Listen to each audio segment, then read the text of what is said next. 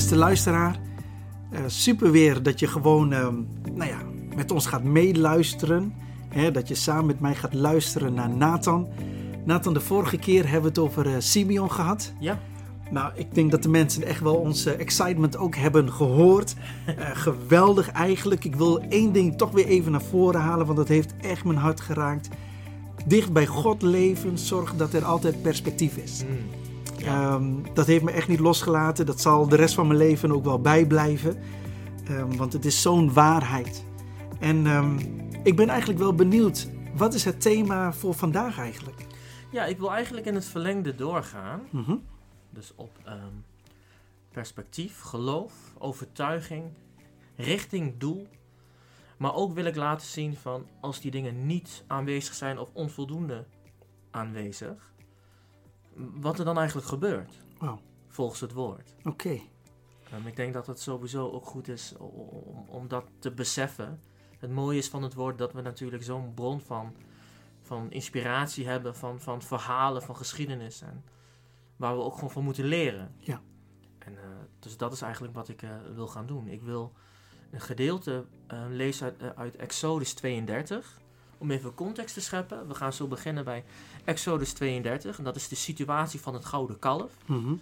En misschien kennen heel veel mensen in ieder geval wel al ongeveer dan wat er gebeurt. Mm -hmm. Dus dat wil ik aanraken. En om even de, de context te scheppen. Mozes heeft net, um, of net, Mozes heeft samen met de Heer het volk uit um, Egypte geleid, het volk Israël. Ja. En op een gegeven moment wordt Mozes naar de berg Sinaï geroepen om daar uh, te kamperen met, met de Heer. Om het zo te zeggen. 40 dagen en 40 nachten. zonder eten en drinken. Ongelooflijk. Ja. ja. Ik vind kamperen al niks. Laat staan zonder eten en drinken. ja, ja, zo, ja, ja. Nee, ja. Ik, ik, ik, ik, volg je. En het bijzondere is, er staat ook, uh, ik heb het even gegoogeld. De berg Sinaï. Ah, het is best wel een flinke berg. en uh, Mozes was volgens mij al boven de 80 toen hij de, deze reis begon. Dus het is al een wat oudere man. En uh, nou, ga dan nog maar even berglopen. Hè? Er ja. staat wel, hij ging zo makkelijk omhoog en omlaag. Nou, Ja. ik heb in Kaapstad een keer met mijn vrouw en een vriend van mij... zijn we van uh, de uh, ach, hoe heet die berg? Tafelberg. Tafelberg gegaan. Ja. Lopend naar beneden. Vijf en een half uur hebben we erover gedaan. Ik kon drie dagen niet meer lopen daarna gewoon. En jij Dat bent nog geen 80, toch? Nee, nou, ze voelde het wel. Ze liep er wel bij. ja. Ja, we waren ook nog verkeerd gelopen. Dus navi- je, je denkt, ja, je hoeft alleen maar naar beneden. Dan kom Hmm. je er wel. Maar navigeren naar beneden is best wel een vervelende klus. Ja. Dus eh, dit was niet een soort bergje, een heuveltje in Limburg ergens. Dit Ja. was echt een flinke berg. Dus Ja. om context te scheppen, hij liep de berg op om van God te horen. Ja. En God gaf hem de twee, ehm, de twee, eh, Die twee tafels, die twee tabletten. ja, ja, ja, precies. Met, met de tien Ja. geboden. En, en voordat je begint, Nathan. Ja. eh, Wat is de titel ook alweer? Van, want je had daar zo'n mooie titel bij. En die wil Ja. ik toch even van je horen. Ja, zonder openbaring eh, geen echte aanbidding. Of geen ware aanbidding. Alleen al het thema, zonder openbaring, geen echte aanbidding, Ja. geeft al genoeg stof tot nadenken. Ja, ja, zeker. Dat gaat heel diep. Heel Maar- diep. Maar jij gaat ons daarin leiden, hè? Ja, ik ga in ieder geval een, probeer ik een bepaalde kant ervan te, te belichten. Helemaal laat ik goed. het zo zeggen. Ja. Nou, de situatie is dus dat, dat Mozes is op dit moment bovenaan de berg. Ik ga vers 1 tot en met 7 lezen. Daarna sla ik even een stukje over. Maar ik leg het wel even uit. Mhm. En daarna gaan we naar vers 19 tot en met 24. Maar goed. Oké. Ehm, vers 1. Toen het volk zag dat Mozes niet direct terugkeerde van de berg, gingen naar Aaron. Aaron, Aaron natuurlijk de broer van. Mhm. Vooruit zeiden zij, maak een God voor ons die ons kan leiden, want Mozes die ons uit Egypte hier heeft gebracht, is verdwenen. Er moet iets met hem zijn gebeurd. Nou, dit vind ik sowieso al, ik, maak ik ga zo door, maar dit vind ik al bijzonder, omdat hiervoor staat dat het hele volk de opdracht kreeg om niet aan de rand van de berg te staan, of ze mochten de berg niet op. Hm. Ze moesten aan de rand staan, anders gingen ze dood. En er staat dat het vuur van de hemel de berg bekleedde en een wolk. Met andere woorden, die hele berg, de top, staat in de fik. nou, ik denk dat als wij dat zouden zien, dat je 40 dagen gewoon naar een wereldfenomeen zit te kijken. en dan zie je Mozes daarin verdwijnen. Die loopt er eigenlijk gewoon in. Dat vind ik ook al bizar. Want ik denk dat de meeste mensen denken, eh, vuur, eh, ik draai me om. En hij loopt gewoon daar naartoe. Nou, dat is wel heel bijzonder. Wow. Dus waarschijnlijk zijn ze aan het twijfelen. Er moet iets met hem zijn gebeurd. Goed, zei Aaron. Hier begint de ellende. Geef mij jullie gouden ringen maar. Iedereen leverde zijn gouden ringen in. Mannen, vrouwen, jongens en meisjes. Aaron smolt het goud en goot het in de vorm van een kalf. De Israëlieten riepen, O Israël, dit is de God die ons uit Egypte heeft bevrijd. Toen Aaron zag hoe blij de mensen met de God waren, bouwde hij een altaar voor het kalf en kondigde aan: Morgen vieren we een groot feest voor de Heren. De vol- Wat had hij het in zijn hoofd? De volgende morgen waren de mensen al vroeg op en brachten brand- en vredesoffers aan het kalf. Daarna werd er gegeten en gedronken en vierden zij een groot offerfeest. Nou, dan gaan we nu naar ehm, vers 19. In de tussentijd zegt eh, de Heer tegen Mozes: Ga naar beneden, want het gaat daar niet goed, even vrij vertaald. Mozes, ga maar aan de kanten. Ik, ik, ik, ik vernietig ze allemaal. Ik, ik veeg ze van de aardbodem. En Mozes als een echte bemiddelaar. En wat een bijzondere man moet het zijn geweest. Die zegt, ho heer, zullen we dat niet doen? Even vrij vertaald. Hij zegt, laten we dat niet doen. Want Hmm. anders zeggen de Egyptenaren van... Je hebt ons uit het land gehaald om vervolgens te worden vernietigd. Ja, Hmm. wat is dat voor, voor een reden? En God bedaart, en die was ontzettend boos, maar die laat zich bedaren door Mozes.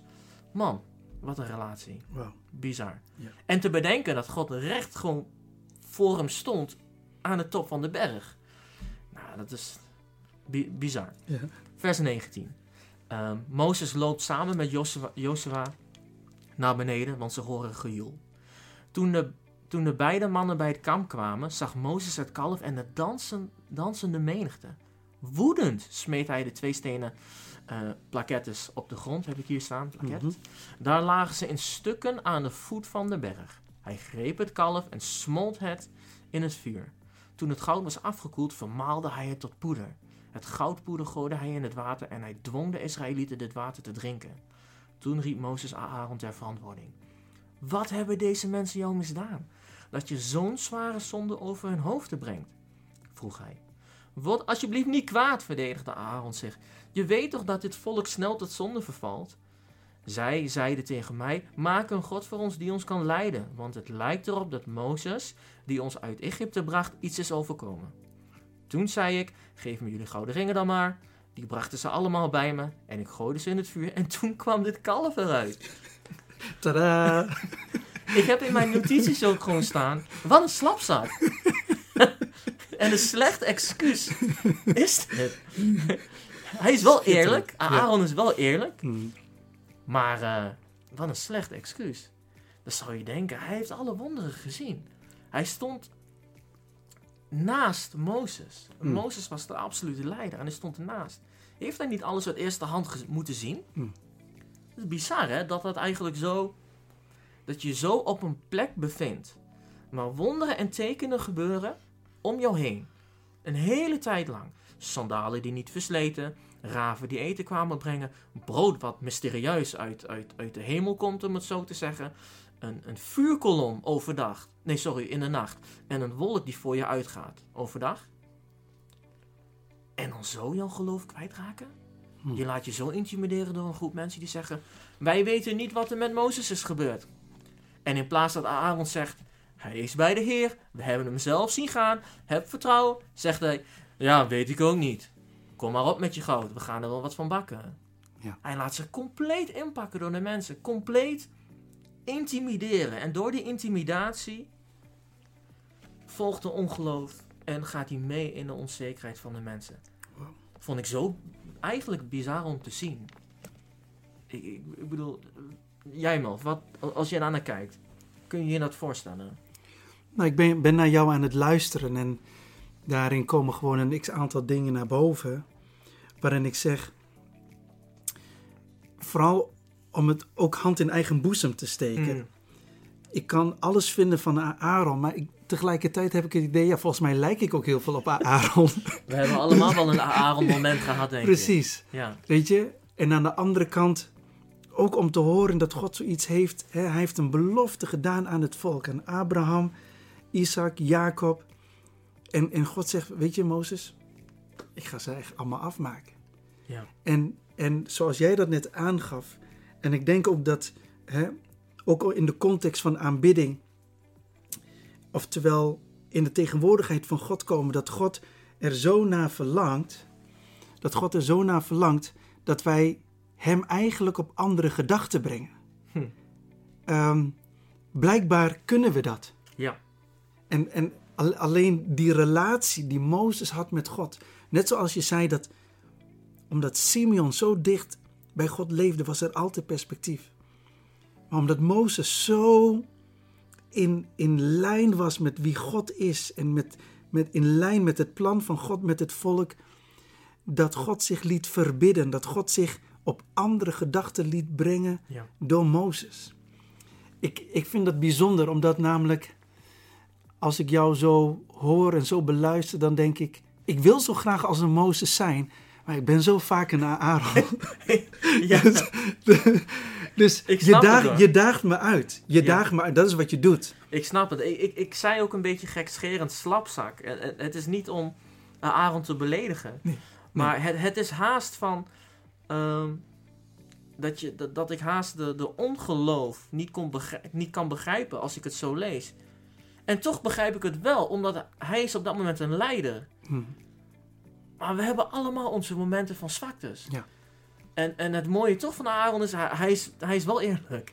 Hij is super eerlijk. Hij is, hij is heel Ah, je kan ook transparant. nog beter eerlijk zijn. ja, ja, precies. Dus dat, dat kan ik nog wel waarderen. Maar ik snap wel, want de, het ongeloof en de intimidatie kreeg hem eigenlijk te pakken. En het mooie is dat, dat hij kreeg Mozes niet te pakken. Ja. Dat Mozes die zo dicht bij de Heer op dat moment eh, was. En- Dat, dat, dat hij, precies wat je net zei, dat hij God op, op, op een andere gedachte kon brengen. Het mooie daarvan is, is dat ik heb altijd in mijn hoofd, als God spreekt, dat ik hopelijk zo snel mogelijk kan zeggen, ja heer, Mhm. Ja. gaan we doen. Uw Ja. luistert, weet Ja. je wel? Amen. Zoals, zoals Samuel moest, moest zeggen toen hij God hoorde voor de derde keer, ja, uw dienaar luistert. Hm. Met andere woorden, dit gaan we gewoon doen, gaan we uitvoeren. Geen weerwoord, weet je wel. Kom niet met een, met een tegen, tegenwoord of iets dergelijks. Ja. En toch doet Mozes dat hier wel. Hm. Hij zegt niet, ja heer. Hij zegt, nee, nee, nee, nee, nee, wacht. Ja. Nou, dat, dat laat eigenlijk aan mij zien hoe, God, hoe dicht wij één bij God mogen zijn. En twee, maar hoe dicht God ook bij ons wil zijn. Amen. Want het is niet dat hij van ons verlangt. eh, even heel bot te zeggen: just be quiet and listen. Hm. Ja, die momenten zijn er ook. Maar het laat ook zien dat als we bij God zijn, dat wij ook mogen genieten van het vrijheid. Hm. Om he- hem een vraag te stellen: Heer, ik begrijp het niet, wat bedoelt u? Of zelfs misschien te zeggen: Heer, ik heb een verlangen in mij. Ik wil het toch bij u neerleggen. Ziet u maar wat u ermee doet. Maar ik voel wel de vrijheid om dat neer te leggen bij u. En dat hij dan met jou daarover in gesprek Wauw. wil gaan. Over wie hebben we het? Over de God die de heelal heeft gemaakt. Ja. Hoezo zou hij eigenlijk met ons in gesprek hoeven gaan? En toch, toch zie je bij Mozes dat Mozes die vrijheid pakt, neemt en God luistert naar hem. Dat, dat, terwijl je dat zegt, doet me zo beseffen hoe God over ons denkt. welke positie, welke plek we hebben gekregen in Gods ogen. En soms, ehm, hè, als Hij zegt, jij bent mijn kind, zegt dat heel veel voor God. En soms doet het ons te weinig dat wij zijn Ja. kinderen zijn. We denken, nou ja, weet je, dat is mooi handig, kunnen we hem Abba Vader noemen en gaan we naar de hemel. Maar het heeft veel meer inhoud voor God dan dat het soms voor ons heeft. En Ja. daarom vind ik het zo mooi dat je het zegt, niet alleen maar dat Mozes heel dicht bij God is, maar God wil ook heel dicht bij ons zijn. Dus Emmanuel, God met ons. Maar er was nog iets waarin de Heilige Geest op dit moment gewoon echt even aantikte. Eh, jij las net dat Mozes verdween. Dat las je, dat hij bij wijze van spreken het vuur inging en hij ging Ja, de berg op. Ja. En, en dat hij verdween. En eigenlijk omdat hij verdween, ehm ebte het geloof in de harten van de mensen weg. Ja. Net alsof God zei: Maar ik wil niet dat jullie je geloof bouwen op mensen. Ja. Want als Mooi. deze persoon weg is, is verdwenen, Hmm. Grijpen we heel snel dus blijkbaar terug naar een gouden kalf. Ja. En alsof God wil zeggen, als het gaat om aanbidding, naar dat hart van aanbidding, mag niet rusten of berusten op mensen in je leven of op situaties in je leven die goed gaan. Want als die eenmaal weg zijn, dan grijpen we naar een andere vorm van aanbidding. Hmm. En dat is die gouden kalf. Ja. Ja, en, en, ja, heel mooi. En dat, dat komt alleen voort uit angst. Hm. Want de mensen die waren gewoon bezorgd. Ze waren hun lijden kwijt. Eh, hun geloof waren ze verloren. Hmm. En omdat ze hun geloof waren verloren, hadden ze geen perspectief. Met andere woorden, we weten niet waar hij is, waar hij blijft. Hij zal wel voetzie zijn. Eh, geen doel. Hm. Want je ziet, ze willen een doel, ze willen perspectief. Ja. Eh, ze roepen op een gegeven moment tegen een kalf: Dit is de God die ons uit Egypte heeft geleid. Wie Met andere woorden, ze, ze willen iemand hebben om te volgen. Hmm. En ze staan niet stil bij het feit dat God. eh, ze staan niet stil bij het feit dat God hen eigenlijk al die tijd en jaren al aan het lijden is. En dat ze elk moment eigenlijk zijn opgevangen. Dat gewoon, wat, waarschijnlijk is het plus, vijf, plus minus 5 miljoen mensen, zeggen ze. Of was het nee, 1 miljoen? En 1 dan- miljoen 1 ongeveer, miljoen? zeggen ze. Alleen Ja, mannen, ja, hè? ja. Dus dan heb je nog de Dus- vrouwen en de kinderen en alles. Nou ja, Het was groot genoeg om kopzorgen te hebben. ja. een, een hele bult mensen. Eh, maar, maar ze vergeten het. En weet je, bij de eerste regel, Mhm. vooruit zeiden ze, maak een God die ons, voor ons, die ons kan leiden. Ze, ze, ze hunkeren naar perspectief, een doel. Eh, maar het is er niet. Ze hebben het niet. Ze zijn er Hmm. kwijtgeraakt. Want Mozes, die ons uit Egypte heeft gebracht, is verdwenen. Ja. Met andere woorden, precies wat Ja. je zegt. Onze grote leider is weg. Mhm. Wat nu? Terwijl wel God. Ze hebben Gods hand gezien. Ja. Gewoon. Ja. uit- in, uit eerste hand, moet ik het zo zeggen? Nee, zo, dan zeg Ja, ik het niet. Ja, uit kan eerste ik het zo zeggen? Ja, ja. Ja. Dus dan zou je. Ik denk dan. Maar wat jammer dat je dat geloof zo verliest. En toch is het iets menselijk aan ons dat we ons soms zo vast kunnen houden aan een bepaald iets of een persoon of noem maar op. En als die wegvalt, hebben we toch een beetje shaky legs. Hebben we toch een Hmm. beetje wiebelige benen. Mhm. En toch denk ik dat dit een proces is wat God met iedereen door wil gaan. Wat gebeurt er nou als jij, als, als, als de kerk, als je de kerk niet in mag, wat misschien nu heel relevant is. Hmm. Er zijn kerken die eh, niet bij elkaar samenkomen op dit moment. Kun je nog de Heer loven en prijzen nu die gitarist met zijn mooie gitaar, weet je wel, nu je, Ja. daar, nu, nu je daar niet meer in de buurt bij bent. Ja. Nu die fijne zangdienstleider, die worship leader, nu je daar even niet zo contact mee hebt, je zit niet in dezelfde ruimte. Ja. Eh, valt jouw worship en aanbidding ook stil, net zoals de mensen stil vielen toen Mozes weg was. Ik denk dat dat echt een hele reële vraag is die we ons moeten stellen. Waar, heb, waar is ons zijn worship op gebaseerd? Ja. Wor- worshipen wij de worship? Worshipen wij de leiders? Of kunnen wij hetgeen worshipen wat we behoren te worshipen? Dat alles om ons wegvalt. Zelfs als onze grote leider wegvalt. Hier op aarde, om het zo te zeggen. Mhm. Je voorganger of je worship leader of je, je baas op werk. Vallen wij dan stil? Of houden wij nog het perspectief op de Heer? Hmm. Ik, het is echt een goede vraag om, om te stellen. En ook als je nu luistert, om eens gewoon eens te kijken in je eigen leven. Waar is het op gebaseerd? Leunen wij op mensen? En onze primaire reactie zou zijn: wij leunen niet op mensen.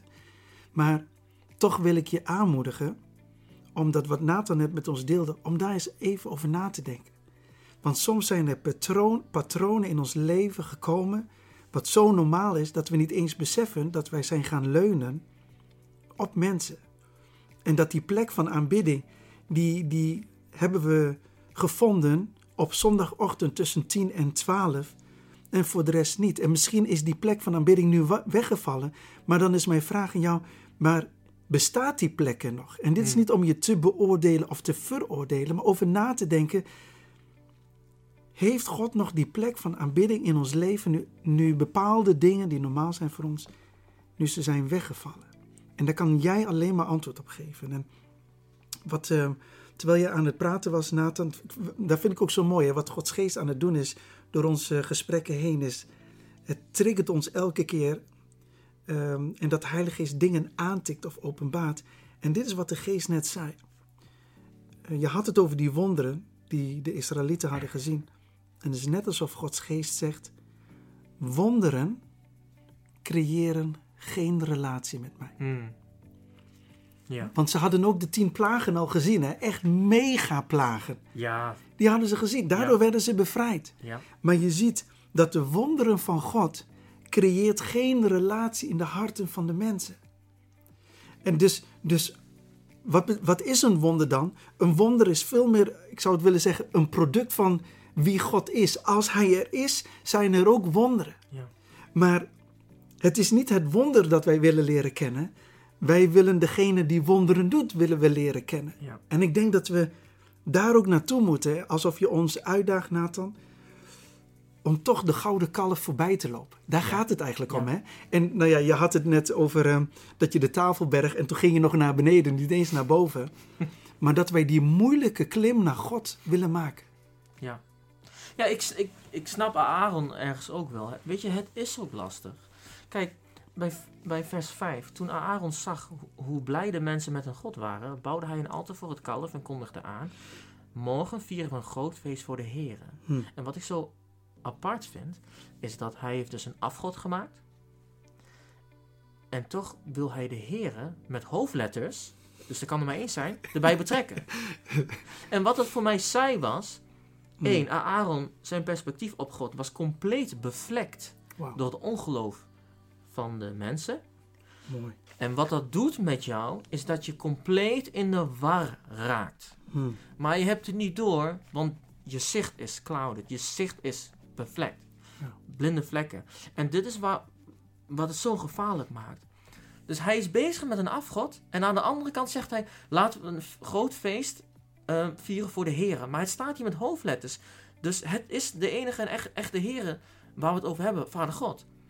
Dus hij probeert eigenlijk twee gedachten bij elkaar te brengen. Maar als er één ding is waar God niet tegen kan, is het afgoderij. Want hij deelt zijn eer met niemand. Hij speelt een heel gevaarlijk spelletje hier. Bizar. Maar Ja. hij is compleet in de war. Waarom? Omdat hij heeft zijn geloof laten roven. Zijn geloof, zijn overtuiging, zijn perspectief is compleet overgeslagen in angst. Want geen geloof is geen overtuiging. Geen overtuiging is geen perspectief, doel of richting. Geen perspectief, doel of doel of richting. Kom je uit bij onzekerheid en angst. Wauw. En dat had hem ook bevangen. En dan zie je de andere kant van de medaille.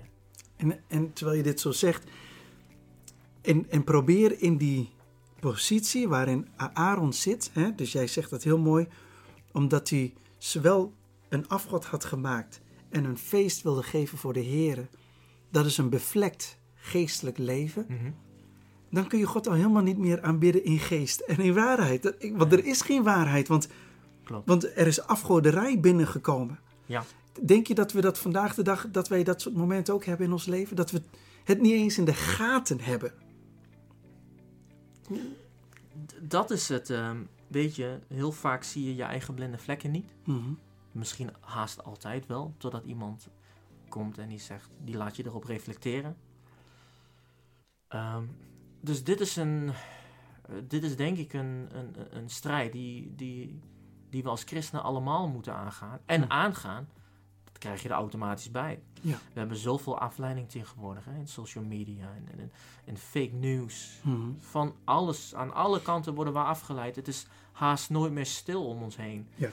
Ehm, het, het is zo moeilijk, zo lastig om soms nog te zien en te proeven. Mhm.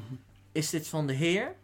Kan ik dit, kan ik dit gouden kalf, kan ik dit bij de Heer brengen en, en dat dan ook met hem vieren?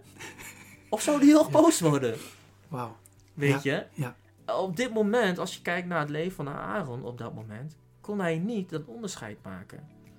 Want zoals we zagen, ehm, als hij op zijn kop krijgt van zijn broer, hij is wel heel eerlijk. Dus ergens heb ik wel zoiets van, zou hij misschien wel gewoon in, in, in alle eerlijkheid dit hebben gedaan? Althans, hij was zich misschien van geen kwaad bewust. Het was gewoon dommigheid, om het even zo te zeggen. Hm. Hij nam de, de ernst van de situatie, had hij misschien niet door. Want hij, kijk, het, het, het bijzondere is, hij gaat, op- er staat in 6, de volgende morgen waren de mensen al vroeg op en brachten brand en vredeoffers aan het kalf. De Mhm. volgende morgen. Ja. Hij heeft er een nachtje over kunnen slapen. Ja. En nog steeds had hij niet zoiets van. Hij had ook kunnen zeggen: Ja, mensen, ik heb er een nachtje over geslapen. dat is vaak hè, wat we mensen toch adviseren bij, bij een keuze: slaap er even een nachtje over. Aaron slaapt er even een nachtje over, heeft hij gedaan. Ja. En hij kwam, En, tot, hij gaat, en dan gaan ze feestvieren. hij kwam tot het idee, ik heb er een nachtje over geslapen en het Ja. wordt een kalf. Ja, Maar weet je, ehm, nu je dit allemaal zo vertelt, hè. Gouden kalf. Ik vroeg me af, hoe komt Aaron nou eigenlijk bij een gouden kalf? Maar Hmm. eigenlijk is het niets anders dan een product wat hij jaren, als het ware, heeft gezien. Wat de, wat de Israëlieten hebben gezien in Egypte. ja, Het was constant, in ieder geval, een afgodsbeeld. ja, En ik kan me voorstellen, daar in Egypte ook zeker van goud. absoluut. En dat je dus op het moment dat je je geloof kwijtraakt, hè, want de leider verdween, de, overal waar jij op rustte, wat misschien jouw fundament was, dat viel weg, dan zie je dat de mens grijpt terug naar oude patronen. Ja. En dat is precies wat de boze ook wil. Die wil je doen laten geloven dat de leider is weg, God is ver van jou. Ja, hij is wel op de berg Sinaï, je kunt hem wel zien, maar jij hebt er geen voordeel van, want God is alleen maar voor een andere broeder en Mm. voor een andere zuster en Ja. niet voor jou. En dan zie je eigenlijk dat we in de verleiding komen om in onze oude patroon, in onze oude ik te gaan wandelen, samen met de Heer. Ja, Snap je? dus dat God, we, soms willen we gewoon dat God wel eh, ons begrijpt. ja, Zo van, u snapt toch wel waarom ik in mijn oude patroon terecht ben gekomen. Ja. Want ja, ik wist ook niet precies wat ik aan u had. Dus ik denk, nou, dan in ieder geval een gouden Ja. kalf. Weet je, als Aaron het hart van God had gesnapt of had gezien en gepakt Hm. op dat moment, had hij geweten, hier gaan wij God heel veel pijn mee doen. Hm. Laten we dit niet doen. Ja. Stop hiermee, stop hiermee. En dan had hij God verdedigd. Maar weet je wel dat God degene is met al die verantwoordelijk is voor die wonderen? Dat heeft hij niet gedaan. Hij had op dat moment geen zicht. Op dat moment had hij geen zicht van wat God had gedaan. Dus hij kon God niet loven. Hij, sorry, hij kon God niet danken. En hij, hij zag op dat moment ook geen kans van God van... Maar God is toch trouw geweest? Ik ga die trouwheid die we hebben ervaren, ga ik aan de mensen vertellen. Zodat we weer weten, worden herinnerd aan wat God voor ons heeft gedaan. Hm. Waardoor wij dit niet hoeven te doen. Hm. En dat we toch weer een respons naar God kunnen geven. Dank u wel. Met andere woorden, we blijven in aanbidding richting God. Hm. Dat doet hij ook niet. Dus wat je ziet, geen openbaring over wie God is, wat hij heeft gedaan, Ja. is het verdraaid moeilijk om, geloof, om je geloof vast te houden, je overtuiging. En je kan denken dat je goed bezig bent, maar je slaat de plank mis. Hm. En dat is heel pijnlijk, want het, ze stoppen er al hun goud in. Ja. Al hun bezittingen. Ja. En, en, en wat je vaak van goud... Weet je, weet je, jij zit in een economische wereld, dus misschien... Ik heb, mijn oma zei altijd, eh, die, ha- die had veel goud. En ze zei, goud behoudt waarde. Hm. Met andere woorden, ehm, het is niet zomaar iets wat ze in het vuur gooiden. Ze gooiden dingen van waarde, wat ze hadden, Ja. gooiden ze erin. En ze konden natuurlijk al niet veel meenemen. Hm. Dan alleen misschien wat kleren, een beetje goud. Hm. Want je moet het ook meeslepen van punt naar punt. Tijdens de wandelreis door Egypte. Ja. En Ja. goud is zwaar, hè? Hm. Goud heeft gewicht. Ja. Man, om dat allemaal mee te slepen. En dat gooien ze. Ze gooien hebben en houden. Waarin? Ja. Ze zijn compleet in de war. Terwijl ze denken, we zijn goed bezig. Dit is de God die ons uit Egypte heeft geleid. Dus ze geven ook de, de eer, geven ze niet aan God. Maar gewoon aan een, aan een afgod. Hm. En ze denken dat ze aan het loven en het prijzen zijn. Ze denken dat ze op de juiste weg zijn. Maar hun blik is verblind. Is, ze zijn verward. En Aaron, helaas, gaat daarin mee. Hm. Omdat hij de openbaring van God niet heeft vastgehouden. Het geloof heeft hij niet vastgehouden. En hij dacht, hij denkt dat hij bezig, goed bezig is. Laten we ook een feest vieren voor de Heer. Nou, een nachtje over slapen. Hij staat op. Laten we dit feest... We, gaan, we laten het doorgaan. Stuur iedereen even een sms'je. We, we laten dit feest gewoon doorgaan. Iedereen erbij. Maar je slaat de plank mis. En dan moet Mozes komen om Gods eer te verdedigen. Hm. Ja, en dan gaat het mis. Wauw. Dan, dan één, de, de, de, de, de, de tablets, de, de, de, De tafelen. de tafelen, Ja, tien ja. geboden, die Ja. gaan kapot. Mhm. En verderop in het verhaal ehm, zegt Mozes, die ontzettend direct is, hij zegt: Oké, als je voor de Heer kiest, kom je aan mijn kant staan. En de Levieten kwamen aan zijn kant staan. En hij, be, zeg je dat? Hij eh, gaf de Levieten de opdracht mee om Gods eer te verdedigen. Ja. En hij zei: Jullie gaan het kamp door Mhm. met je getrokken zwaard. Of het je broer, je vader of je moeder is, Mhm. maakt niet uit. De eer van God is belangrijker. 3000 mensen lieten het, lieten het leven. Heftig. Dat is extreem. Ja. Dat is heel heftig. Je eigen broers en zussen, je eigen volk. eh, om, om, om de eer te verdedigen van God. Mhm. Als God het had gedaan, was het nog erger geweest. Dus wat dat betreft lijkt het van. Oké, Dus er zit ook nog genade the, the in. lesser of two evils in Ja. het Engels. Hè? Van, Ja. ja. allebei is niet prettig, maar Ja. laten we toch maar voor optie A gaan in plaats van optie B. Om het even zo vrij te vertalen. Eh, Ja, ja. Als Dus, je, als je meeluistert en je hoort wat, wat Nathan zegt, dan is dit wat er voor mij uitspringt. En die wil ik ook weer opnieuw benadrukken. Gods eer verdedigen. Misschien zit je in een situatie waarin God belachelijk wordt gemaakt. Het kan binnen familiaire kringen zijn. Het kan op het werk zijn. Waarin het ontzettend lastig is om Gods eer te verdedigen. Waarin het makkelijker is om samen met de anderen de gouden kalf te aanbidden. En, en, en daarvoor te kiezen. Maar ik denk dat het zo goed is om gewoon weer opnieuw te raden te gaan bij jezelf. En, en ons opnieuw te verfrissen in de tegenwoordigheid van God. En, en te verlangen dat Hij met het vuur gaat komen in onze harten om datgene weg te branden wat, wat al een beetje op een gouden kalf begint te lijken.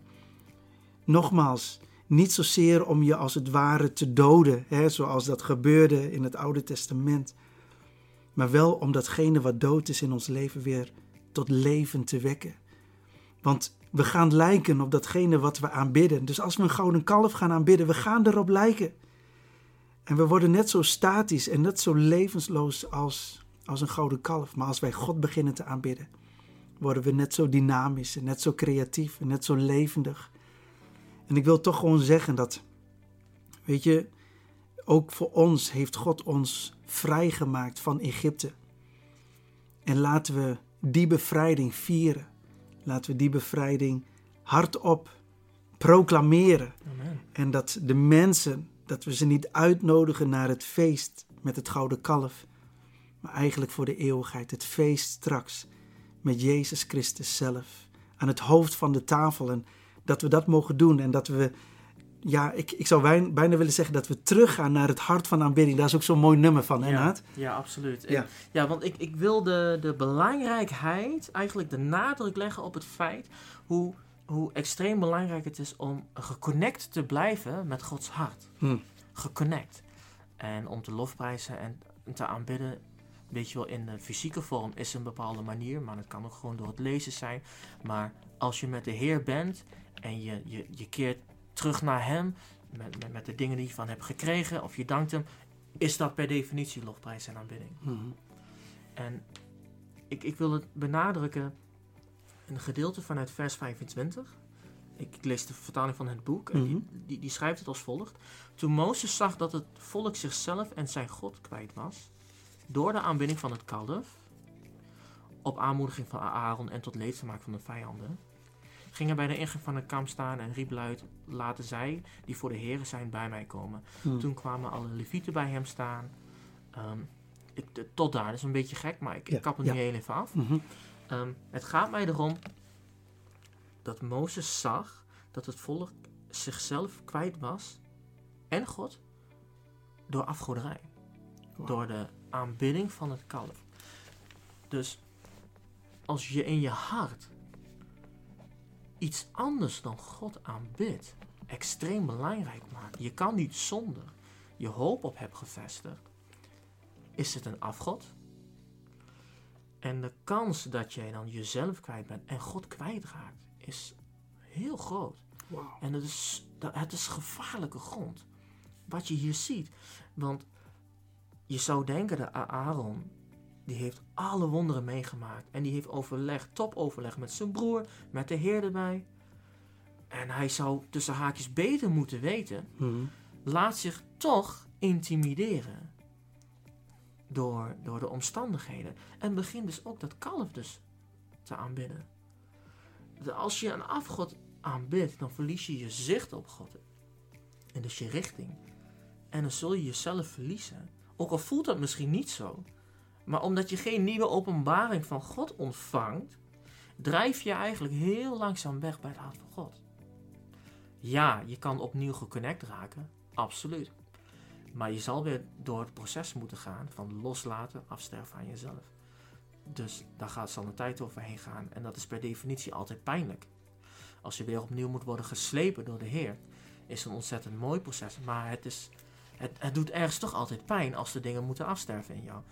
Dus dat is niet altijd prettig. Wel heel belangrijk en je wordt er altijd mooier van. Maar om haast zo'n proces weer voor te blijven, is het zo belangrijk om dicht bij God te blijven, bij zijn hart. Dat je nieuwe openbaringen, nieuwe richting, perspectieven van hem ontvangt. Zodat je niet wegdrijft, zoals er eigenlijk is gebeurd met de leviet Aaron. Die was heel langzaam, langzaam, vrij snel. Een dag daarna was hij eigenlijk alweer was hij het kwijt. Mhm. Dus ik zeg misschien langzaam, maar misschien kan het ook wel extreem snel gaan. Ik heb er persoonlijk Mhm. niet op die manier ervaring mee. Maar het is eigenlijk een waarschuwing wat we hier zo zien wat we hier staan. Wat eigenlijk gebeurt als jij God iets anders jouw lofprijs en aanbidding gaat geven. Wat gebeurt er dan? Je drijft weg bij het hart van Vader God. En dat is niet waar je wil zijn. Zo. Ik ben aandachtig naar jou aan het luisteren. Omdat namelijk het, het raakt mij omdat het boek zegt dat ze eigenlijk God kwijt zijn geraakt. Het door afgoderij. Het, eh, de NBG-vertaling zegt teugelloos. Wow, ja, heel mooi. Weet je? De- de- met- Losgeslagen. losgeslagen. Met andere woorden, God, God heeft helemaal geen grip meer op jou. Ja. De- er is een, een andere macht, er is een andere God die grip heeft gekregen op jou. En, en God heeft ons niet geschapen tot een robot die jou zo heeft geprogrammeerd dat je automatisch terugkomt tot God. Nee, hij heeft je een eigen vrije wil gegeven. Hm. En, en deze afgoderij en deze afgod die dan grip krijgt op ons, maakt ons teugelloos in de ogen van God. Maar de, de wereld van afgoderij die zegt, ja, top Melvin, ja, weet je, maakt niet uit, doe maar alles wat God verboden heeft. ja. Maar, maar dat is eigenlijk helemaal niet wat we willen.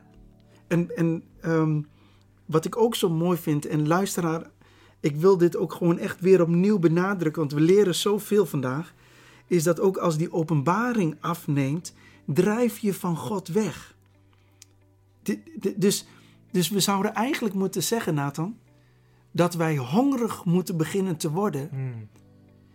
dat God zich begint te openbaren aan ons en we moeten daarin ook super gulzig worden. ja. Op een, op een gezonde manier. Van Heer, ik heb vandaag weer opnieuw een openbaring van u nodig en ik neem Ja. niet met minder genoegen. Eigenlijk zoals Mozes. Hij kijkt naar de berg, hij denkt, wat een end. Eh, Vlammen, ik zie wolken, misschien bliksemschichten. Gewoon alle, alle natuurrampen in één. De, ber- de berg beefde, hè? Beefde. Wij krijgen het advies om onder een tafel te duiken als het begint te beven. Ja, inderdaad. Maar wel zoals Mozes te zijn, heer. Ik weet niet waar ik in loop, maar hier, ik kom eraan. Ik kom eraan. ja, weet je wel? schitterend. Dat is, toch, dat is toch bijzonder? Ja, Dat is de houding die we eigenlijk moeten hebben. Gewoon van, heer, al beeft het om mij heen, al, al, al, al, al, regent het, al zie ik vuur voor mij, mooi. ik ga er naartoe. Ik weet dat u daar ergens bent, achter die wollen kolom vuur. U moet er ergens zijn, ik zie u niet, maar ik weet dat u daar bent. Wauw. En ik loop op u af. Wauw. Ik, ik, ik vind het zo mooi, want wat het creëert in mij. En ik vertrouw erop ook in het hart van de luisteraar. Wat we net zeiden. Hemelse Vader, openbaar u zelf weer opnieuw aan ons. Mm. Heilige Geest, wilt u het werk in onze harten doen. Om weer iets nieuws van, van u te zien, Heer Jezus. Dat ons die ervaring geeft dat, en dit is wat ik geloof in Nathan, de ervaring met God, die persoonlijke ervaring, zorgt ervoor dat we geen behoefte meer hebben aan een gouden kalf. Ja. Weet je, dat Ja. we het ook kunnen omdraaien. We hoeven niet die gouden kalf te bevechten. In die zin zo van, nou ga uit mijn leven, ga uit mijn leven. Nee, maar we Mm. moeten zeggen, Heer Jezus, kom in mijn leven. Ja. Zodat de gouden kalf vanzelf wel wordt uitgedreven. Ja. Ja. Hè, dat als wij zijn heiligheid zien, dat we wensen om heilig te leven. Als wij zijn kracht zien, dat we het verlangen hebben om in zijn kracht te wandelen. Als we zijn creativiteit zien, dat we het verlangen hebben om creatief te zijn met, met God in ons leven. En dat is zo, ja, dat is denk ik waar we naartoe moeten. Ja. Want als we die openbaring elke keer krijgen, dan, ehm, dan komt die ware aanbidding. Ja. In geest en in waarheid. Mooi. Ja. Wat heb je nog meer voor ons, eh, Nathan? Ik wil eigenlijk... ehm, gaan we naar Handelingen 6. Handelingen 6. vers 18 tot en met 15. En een stukje van Handelingen 7. Dat is het verhaal van Stefanus. Mhm. Wat een held is die man. Echt, ik werd er zo door gegrepen en geraakt. Hm. Dat toen ik het ging vertellen tegen mijn vrouw, dat ik voelde dat het me gewoon emotioneerde. En ik had, gewoon, ik had zoiets van, ik weet eigenlijk niet waarom, maar het is gewoon de puurheid van, van Gods geest door die man, wat mij gewoon zo raakte. En de reden waarom ik hier, door, waarom ik dit wil belichten, is omdat dit laat eigenlijk de andere kant zien. Hm. Waar Aaron helaas begon te twijfelen, blijft Stefanus, die blijft overeind staan, terwijl de hele wereld bewijs van tegen hem was. Hm. Ehm, het, het eindigt ook volgens wereldse maatstaven niet zo heel mooi met hem, om het even zo te zeggen. Ehm, maar hij bleef zijn blik zo op de Heer eh, richten. Wat voor ons denk ik allemaal een, eh, het ultieme voorbeeld, eh, voorbeeld is. Ik eh, ga beginnen bij vers eh, 8, handelingen 6. Stefanus was vol van geloof en kracht van God. Hij deed wonderen en buitengewone dingen onder het volk. Maar er waren mensen die vonden dat hij daarmee niet mocht doorgaan. Zij hoorden bij de synagoge van de zogenaamde Libertijnen uit Cyrene, Alexandrië, Sicilië en Azië. Zij begonnen met hem te discussiëren en probeerden hem te overtroeven. Maar dat lukte niet. Hij was hen veruit de baas door de grote overtuiging en scherpzinnigheid waarmee hij sprak. Het was duidelijk dat Gods geest hem leidde. Toen stookten zij een paar mannen op het praatje rond te strooien dat zij Stefanus slechte dingen over Mozes en God hadden horen zeggen. Daarmee zetten ze het volk, de leiders en de godsdienstleraars tegen hem op. Zij gingen naar hem toe, grepen hem vast en brachten hem voor de Hoge Raad. Zij lieten ook enkele valse getuigen komen, die allerlei beschuldigingen tegen hem inbrachten. Deze man valt de heilige tempel en de wet aan. Wij hebben hem horen zeggen dat die Jezus van Nazareth de tempel zal verwoesten en de oude gebruiken zal veranderen, de, de gebruiken die Mozes ons heeft gegeven. Terwijl de mannen van de Hoge Raad hem onderzoekend aankeken, dit vind ik zo mooi, Hm. zagen zij dat Stefanus gezicht straalde als dat van een engel. Oh. Ja. Hij wordt aangevallen aan alle kanten. Hij staat voor een tribunaal. Mensen zijn woest laaiend op hem voor iets wat hij niet heeft gedaan. Er zitten eh, eh, een stelletje acteurs eh, in de zaal die hem vals beschuldigen. Die Hmm. spelen een rol. En hij straalt te midden van deze situatie als een engel. Hm. Wat zegt dat over, over Stefanus? Hm. Hoe, wanneer is de laatste keer dat jij vals werd beschuldigd? En je straalt als een engel, omdat je weet, God is met mij. Nou, ik heb een keer een gesprek gehad met mijn baas op werk, die zag het niet zo in mij zitten. Maar ik straalde niet als een engel, dat kan ik je wel vertellen. ik was eh, dit pijn, ik dacht, ik moet hier weg. Jullie kunnen allemaal eh, de pot op, om het even heel bot te zeggen. En dan zie ik hier, dan kijk ik hier naar, naar Stefanus. Hm. En er worden hem dingen verweten, gewoon vals beschuldigd. Hm. En hij straalt als een engel. Dan denk ik, wauw, wat bijzonder. Hm. Wat een geloof, wat een overtuiging. Ha, deze man, wat een, wat een vastberadenheid van de Heer is met mij. Hm. Je kan alles tegen me aangooien, elke beschuldiging, maar de Heer is met mij. Hm. En, en we zien hier eigenlijk hoe ongeloof, want het is de, ehm, hem probeert aan te klagen. En met ongeloof bedoel ik het volgende. Ehm, de mensen die ehm, hem probeerden aan te klagen, die waren opgestoot door bepaalde mensen. Gemanipuleerd. En dus de kans is heel goed aanwezig dat ze echt dachten dat, het, dat Stefanus een, tussen haakjes, een foute man was. Dus die waren daar boos over.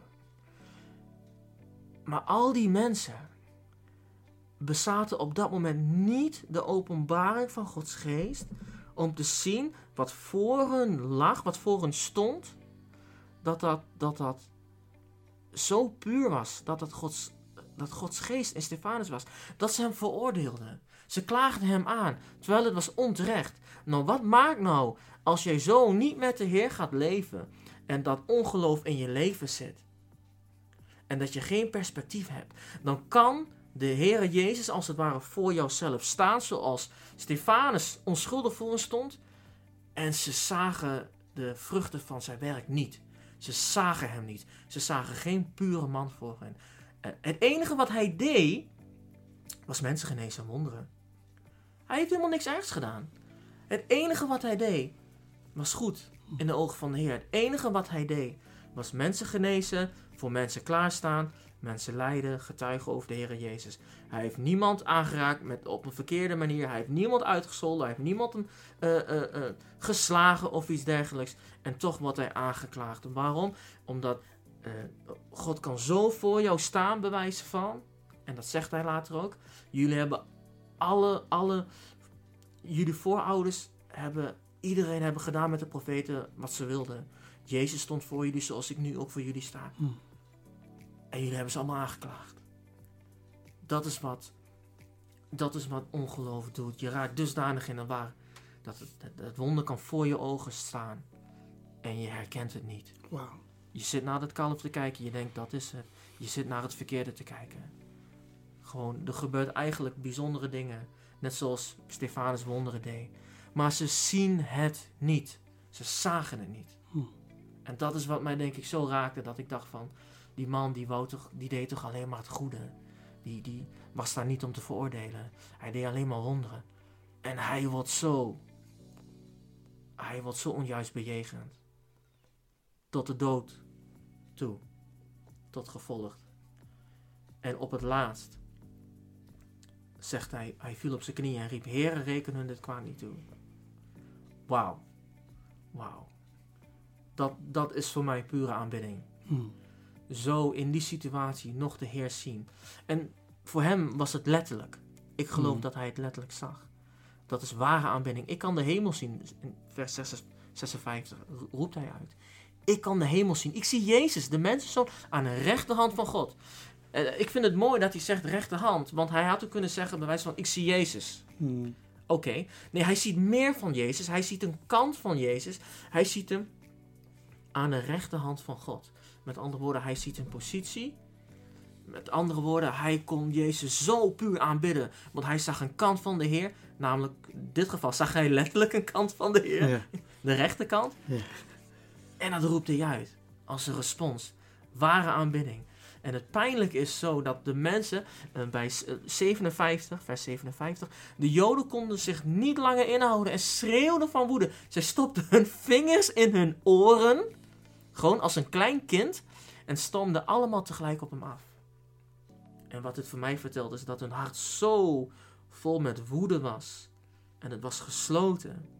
En er zat zoveel ongeloof in, dat er geen ruimte was voor Gods geest en, geen, en geloof in de Heer. Dat als de, jouw afgod jou zo te pakken heeft, dat er geen ruimte voor Gods geest is en voor geloof. Daarom, Mozes gooide het beeld niet gewoon weg of liet het niet omsmelten en gaf het goud terug. Hij vernietigde het beeld. Hij vernietigde het beeld. Tjak, kop eraf. Tot Hm. as. Verpulveren. De versie van het boek zegt, hij verpulverde het. Want anders is er geen plek voor Gods geest en voor het geloof in de Heer. Je moet kotten met maken met de afgoden. Hoe pijnlijk en moeilijk dat ook is. Anders heb je Jezus voor jou staan en je ziet wonderen, maar het komt je hart niet binnen. Hm. Omdat je bent in de war. En je hebt blinde vlekken gekregen. En wat hier eigenlijk staat is dat eh, Stefanus zag er zelfs uit als een engel. Hoe, hoe, hoeveel, hoeveel wonder wil je zien op dat moment? Je valt hem aan en hij zag er gewoon uit als een engel, zegt het woord. En de mensen zagen het. Hmm. En toch zagen ze het niet. Hmm. Ja, ik kan je volgen. Dat, dat, is, Bizar. toch, dat, is, dat is bizar. Ja. Dat, en, en heel ernstig. Als wij als mens op een punt zijn gekomen dat, dat, dat de Heer wonderen kan doen, maar het komt ons hart niet binnen. Dan zijn we toch verhaard. En dat is toch totaal niet wat de Heer voor ons heeft weggelegd. De Heer wil juist dat het ons hart vervult. En dat door de omstandigheden, zoals Stefanus hier doet, op het moment dat hij wordt gestenigd. Ik, ik moet er niet aan denken, verschrikkelijk, dat hij wordt gestenigd. Zegt de Heer Jezus, neem mijn geest bij u. Hij viel op zijn knieën en zei, reken hun dit kwaad niet toe. Met andere woorden, nog steeds zijn blik op de Heer. Terwijl de stenen naar zijn hoofd vlogen, kon hij zijn blik nog op de Heer eh, houden. Nou, dat is gewoon, dat, dat, dat, dat is voor mij eh, ultiem geloof, ultieme aanbidding. Wat een voorbeeld heeft deze man eigenlijk is, is deze man geweest. Om je, zo zijn blik op Jezus te hebben. En voor mij is dat echt een gebed van dat we allemaal die houding van Stefanus mogen hebben. Als de mensen om ons heen dusdanig boos zijn dat ze hun vingers in hun oren stoppen. Van ik wil er niet meer horen. Zo boos. Dat hij gewoon kan zeggen ik zie de Heer. Ik zie de Heer aan de rechterhand van God. Met andere woorden, jullie kunnen zo boos zijn als je wil. Eh, ik blijf de Heer zien door elke omstandigheid. En hij is zo rechtlijnig en direct naar de mensen toe. Dat hij daarvoor in het verhaal de hele geschiedenis van de voorouders van Jezus vertelt. En zegt, jullie hebben al die bijzondere mensen van God even vrij vertaald. Hebben jullie gedaan. Hebben jullie allemaal veroordeeld. Zo hebben jullie Jezus ook veroordeeld. En hij had gelijk. Er was geen woord gelogen. Hij had compleet gelijk. Alleen het ongeloof in het hart van de mensen zorgde ervoor dat ze niet konden reflecteren op wat God eigenlijk voor ze had. Maar ze hadden ook kunnen zeggen: Stefanus, je hebt gelijk. Wat zijn wij eigenlijk dom geweest? Je hebt gelijk. En dat zou een moment van bekering kunnen zijn geweest. Hmm. Hij geeft ze eigenlijk nog een uitweg. Hij zegt eigenlijk van, dit is de waarheid. Bam! En doet dat pijn? Dat doet ontzettend pijn. En die mensen werden woest. Ze werden woest. Alleen er was wel een moment dat ze, dat ze hadden kunnen zeggen... Ik reflecteer hierop. Ik denk erover na. We gaan er een nachtje over slapen. Slapen. Zij hadden wel een nachtje erover moeten slapen. Dat ze zeiden van... Wat zegt die man nou? Heeft hij een punt? Ja. klopt het wat hij zegt? Laten we het beoordelen. Maar ze waren zo boos. Zoveel ongeloof in het hart en woede. Eh, En, en, eh, dat ze het niet zagen. En dat is, dat is ontzettend pijnlijk. En de, maar het mooie van het verhaal is, is dat Stefanus blijft dwars door dit allemaal. Gewoon zijn blik op de Heer eh, houden. Ik ehm, ben onder de indruk van wat God door je heen spreekt. De openbaring die Stefanus had, hoe krachtig het hem heeft gemaakt te midden van een storm, te midden van aanklacht, wat totaal geen effect heeft gehad op hem. En terwijl ik naar je zit te luisteren, is dit wat er in mij naar boven komt.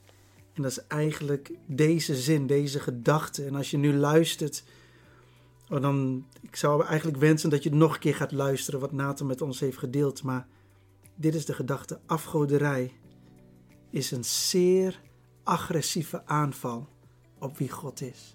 Ja. Ik, ik, wat je laat zien, Nathan, is... We hebben het natuurlijk wel, ook wel gewoon over afgoderij. Ja. En in de kerk van vandaag en in ons dagelijks christelijk leven hebben we het over afgoderij. Maar wat je doet is je haalt het karakter van afgoderij naar boven. De agressiviteit, eh, de blindheid, ehm, zelfs de domheid. Hmm. Van met, als een klein kind met vingers in je oren, ik wil het niet horen. Maar ook de, de onbekeerlijkheid. Dus je niet willen bekeren, niet Ja. meer willen luisteren, ontzettend doof geworden. En dit is precies wat de boze wil. Dat wij God niet meer kunnen aanbidden in geest en in waarheid, maar dat wij kruipen naar onze eigen vertrouwde goden. Ja. Ehm, Terwijl wat Stefanus deed was eigenlijk het koninkrijk van God demonstreren hier Ja. op aarde. Ehm, ik denk dat wat jij nu met ons deelt is, is niet iets wat wij vandaag zeggen, oh, dat is een mooie boodschap en we kunnen weer verder. Dit vraagt om stilte, dit vraagt om meditatie, dit vraagt om afzondering. En hier is over na te denken. En ehm, Weet je, ik wil eraan toevoegen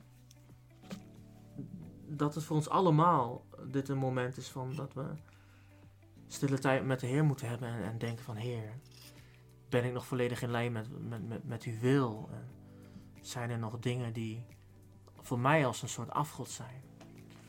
En het belangrijk is om daar de stille tijd samen met Gods geest in te hebben, omdat als je naar Stefanus kijkt, Gods geest gaf hem perspectief, zicht te hebben op het plan van Jezus, op het plan van God. Te midden van de storm. Dat is, het, dat is hetgene wat ons de, doorheen zal slepen. Ondanks het ongeloof en de strijd om je heen, om nog zicht te houden op wat Jezus voor je wil doen. amen. Om, en sterker nog, om zicht te houden op wie Jezus is. Kijk, dat hij een plan heeft met jou, ja, snappen we. Maar om wie Jezus is, vind ik, is nog sterker. Want dan spreekt hij, heb je niet over een intentie, je hebt het over karaktereigenschappen. Ja. Je hebt het over zijn identiteit. En hier staat op een, op een moment suprem, om het zo te zeggen, dat hij door iedereen met, eh, ja, iedereen zijn bloed wel kon drinken. Ik kan de hemel zien, ik zie Jezus, de mensenzoon aan de rechterhand van God. Hij had een openbaring van wie de Heer is. Wauw. En op die manier konden zien waar hij zat, letterlijk, aan de rechterkant van de Heer. Dus hij had zoveel perspectief en openbaring gekregen en richting, dat ongeloof en het gouden kalf, het kon hem niet deren. Ja, zo bijzonder. Ik, eh, ik sluit me daar helemaal bij aan. En weet je wat, als het gaat om Stefanus, wat mij bij is gebleven, wat mijn vader altijd tegen me zei, is dit. Want in vers 56, vanuit de NBG, er staat: Zie, ik zie de hemelen geopend en de zoon des mensen, des mensen staande ter rechterhand Gods. En mijn Hmm. vader zei altijd: Melf, God zit op de troon. Maar voor Stefanus ging hij staan. Hm. Hm. Dus zo mega hoe God Stefanus eert Ja. door te gaan staan voor deze man. Ja. Ik geloof zelfs dat, hoe cool zou het zijn Nathan als wij als christenen God zo puur beginnen te aanbidden. Dat God begint te staan. En Zeg- zegt, ik, ik wil gaan bewegen te midden van mijn volk. Daar waar ziekte is, wil ik aanraken. Daar waar geen hoop meer is, wil ik hoop geven. Daar waar relaties gebroken zijn, ik ga ze aanraken. Ik ga wonderen geven daar waar wonderen nodig zijn. Voorzienigheid, maakt niet uit. Battles die gevoerd worden, omdat God zegt, jullie aanbidding is zo puur, ik kan niet anders dan staan en te midden van jullie Bewegen. bewegen. Bewegen. Bewegen, dat is wat ik zocht. Ja. En, en het, het, het doet iets in mijn hart. En ik weet ook zeker bij de luisteraar. Dat we terug moeten naar dat hart van aanbidding. Ja. Ik, ik vind het zo mooi hoe je ons daarin meeneemt. Want je, ge- je, je, eigenlijk geef je ons een voorzetje. Om weer ontzettend hongerig te worden. Naar de openbaring van wie God is. Ja. En ik, ik kan niet wachten ook om in mijn eigen tijd weer gewoon God te gaan zoeken. En dit woord, deze invalshoek, kwam ehm, naar mij op een moment dat ik eigenlijk een beetje gefrustreerd naar beneden liep, mijn gitaartje pak, want ik kwam er niet uit in de voorbereiding. Ja. Ehm, en dacht, heer, ik, eh, ik ben moe, ik heb urenlang in het woord zitten graven. En, oh, zoveel details en zoveel verhalen, waar moet je het überhaupt over hebben? Ja. Wat wilt u gaan doen? Ja. Maar wat hij wou, denk ik, bedenk ik mij nu, Hm. hij wou dat ik gewoon eerst samen met hem tijd doornam. In, in worship en aanbidding. En vanaf dat moment gaf het mij zoveel vrijheid. En werd ik zo relaxed in mijn denken En dus ook in mijn lichaam, want ik ervoer spanning. Ik zat op mijn kaken te bijten, twee dagen lang. Gewoon van, ik kom er niet uit, ik kom er niet uit. Ik weet, ik, wat En moet de, ik nou en de deadline nadert. de deadline nadert. ja. Eh, maar dat, ging, dat vloog allemaal eh, het raam uit. Eh, toen ik echt even gewoon, gewoon de Heer ging loven en prijzen in mijn eentje, even mijn eigen tijd. En dat was echt binnen vijf minuten. Ja. En er viel zo'n last van mijn schouders dat ik dacht, ik weet wat ik wil zeggen. Wauw. Omdat ik merk dat wat de Heer nu bij, bij mij heeft gedaan persoonlijk, Mm. is het, Heer, u hebt mij richting en perspectief gegeven, omdat ik een moment heb genomen om u te loven en te prijzen. Nathan, ik, eh, ik heb genoten om naar je te luisteren.